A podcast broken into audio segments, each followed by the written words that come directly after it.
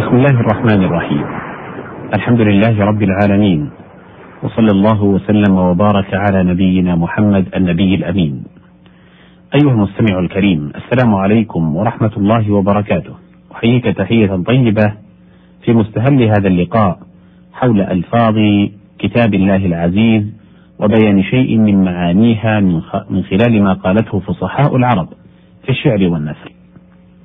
والمقام متوقف عند مادة السين والراء والواو. وذلك قوله تعالى في سورة مريم سريا. السري السيد وهو من ثروى يسرو. والجمع ثراه قال بشامة بن جزء النشلي إنا محيوك يا سلمى فحيينا وإن سقيت سرات الناس فاسقينا. وقيل سمي السري بذلك لأنه يسرو ثوبه أي ينزعه ويتشمر لفعل الخيرات. ضد الزميل وقيل السري الرفعة. والسري رفيع المنزلة والثروة الرفعة أيضا وجمع على سروات. وسروت الشيء كشفته يقال سروت الثوب وسريته أي نضوته. وفي الحديث سري عنه أي كشف. السين والراء والياء. قوله تعالى في سورة الإسراء سبحان الذي أسرى بعبده ليلا. يقال سرى وأسرى اللغتان وقد قرئ فأسر بأهلك. وفأسر بأهلك بقطع الهمزة وبوصلها. فأسر بأهلك وفأسر بأهلك. وبهذا يرد قول من قال إن سرى ليلا وأسرى نهارا. فقوله تعالى أسرى بعبده ذهب به في سرات الأرض. وسرات كل شيء أعلاه ومنه سرات النهار. والسارية القوم يسرون والسارية أيضا الأسطوانة. والسحابة التي تمر ليلا قال النابغة سرت عليه من الجوزاء سارية تزي الشمال عليه جامد البرد. السين والطاء والحاء. قوله تعالى في سورة الغاشية وإلى الأرض كيف سطحت. أي بسطت واتسعت. كقوله والأرض بعد ذلك دحاها أي بسطها. وانسطح الرجل امتد على قفاه. وقيل هو مشتق من سطح البيت وهو أعلاه. فقولهم سطحت المكان أي جعلته في التسوية كالسطح.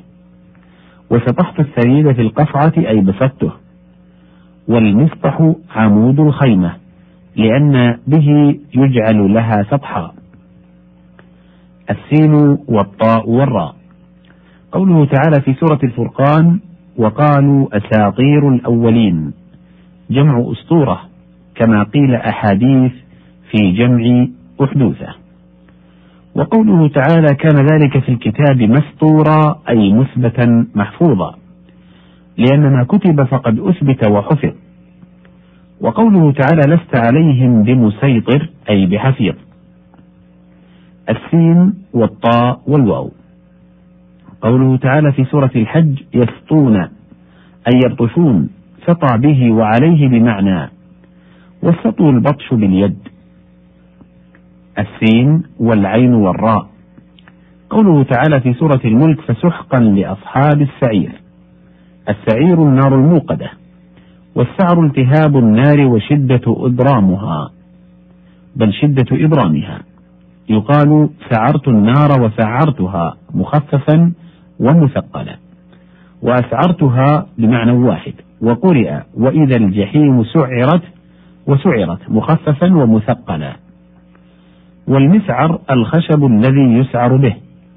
وفي الحديث ويلمه مسعر حرب. جعله كذلك مبالغة. واستعرت الحرب نحو اشتعلت. والسعار حر النار. وقوله تعالى لفي ضلال وسعر قيل هو جمع سعير. وقيل السعر الجنون. السين والعين والواو. قوله تعالى في سورة الجمعة فاسعوا إلى ذكر الله. السعي المشي السريع وهو دون العدو ويستعمل للجد في الأمر خيرا كان أو شرا. قال تعالى وسعى في خرابها وقال تعالى يسعى نورهم بين أيديهم وهو من أبلغ الاستعارات وغلب السعي في الأمور المحمودة وخص فيما بين الصفا والمروة من المشي والسعاية بالنميمة وبأخذ الصدقات وبكسب المكاتب لعتق رقبته والمساعاة بالفجور والمسعاة بطلب المكرمة.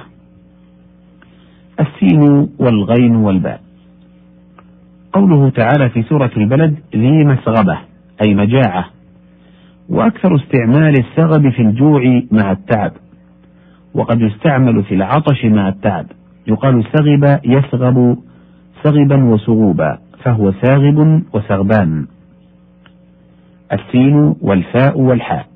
قوله تعالى في سورة الأنعام أو دما مسفوحا أي مصبوبا. يقال سفح دمعه أي أساله من البكاء. قال امرؤ القيس وإن شفائي عبرة إن سفحتها وهل عند رسم دارس من معول وقوله تعالى غير مسافحين السفاح الزنا. لأنه صب المني في الرحم وغلب في الزنا ويقابله النكاح. يقال سفحت الماء إذا صببته. السين والفاء والراء. قوله تعالى في سورة سبأ بين أسفارنا. الأسفار جمع سفر والسفر الرحيل من مكان إلى مكان. وأصله الكشف. قيل لأنه يسفر عن أخلاق الرجال ويختص ذلك بالأعيان. نحو سفر العمامة والخمار عن الوجه.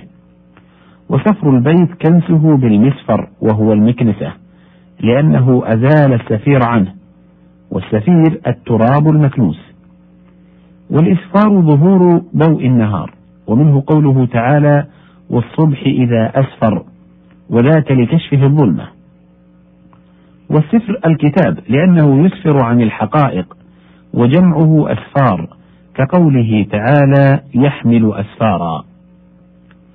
وقوله تعالى بأيدي سفرة هم الملائكة الموصوفون بقوله تعالى كراما كاتبين وهم جمع سافر نحو كتبة في جمع كاتب. السين والفاء والعين. قوله تعالى في سورة العلق لنسفعا بالناصية أي لنأخذن. والسفع الأخذ بسفعة الرأس. أي بسواد رأسه. وباعتبار السواد قيل للأساسي سفع جمع سفعاء. وبه سفعة غضب اعتبارا بما يعلو وجه الشديد الغضب من اللون الدخاني. وقيل للصفر أسفع اعتبارا بلونه. وقيل السفع الأخذ بشدة والمعنى لنجرن بناصيته جرا عنيفا. يقال سفعت بالشيء أي قبضت عليه قبضا شديدا. قال الشاعر قوم إذا سمعوا الصريخ رأيتهم ما بين ملجم مهره أو سافعي. وقيل معناه لنسودن وجهه. واكتفى بالناصية لأنها مقدم الوجه وفي الحديث سفعاء الخدين. وقيل معناه لنجعلن على ناصيته علامة يعرف بها من سفعت الشيء أي علمته. وقال الشاعر وكنت إذا نفس الخناء نزت به سفعت على العرنين منه بميسمي هنا ينتهي الحديث عن هذه المادة وسيأتي الحديث عن مادة السين والفاء والكاف في لقاء تال. إن أذن الله بذلك. حتى ذلكم الحين أشكر لكم استماعكم والسلام عليكم ورحمة الله وبركاته.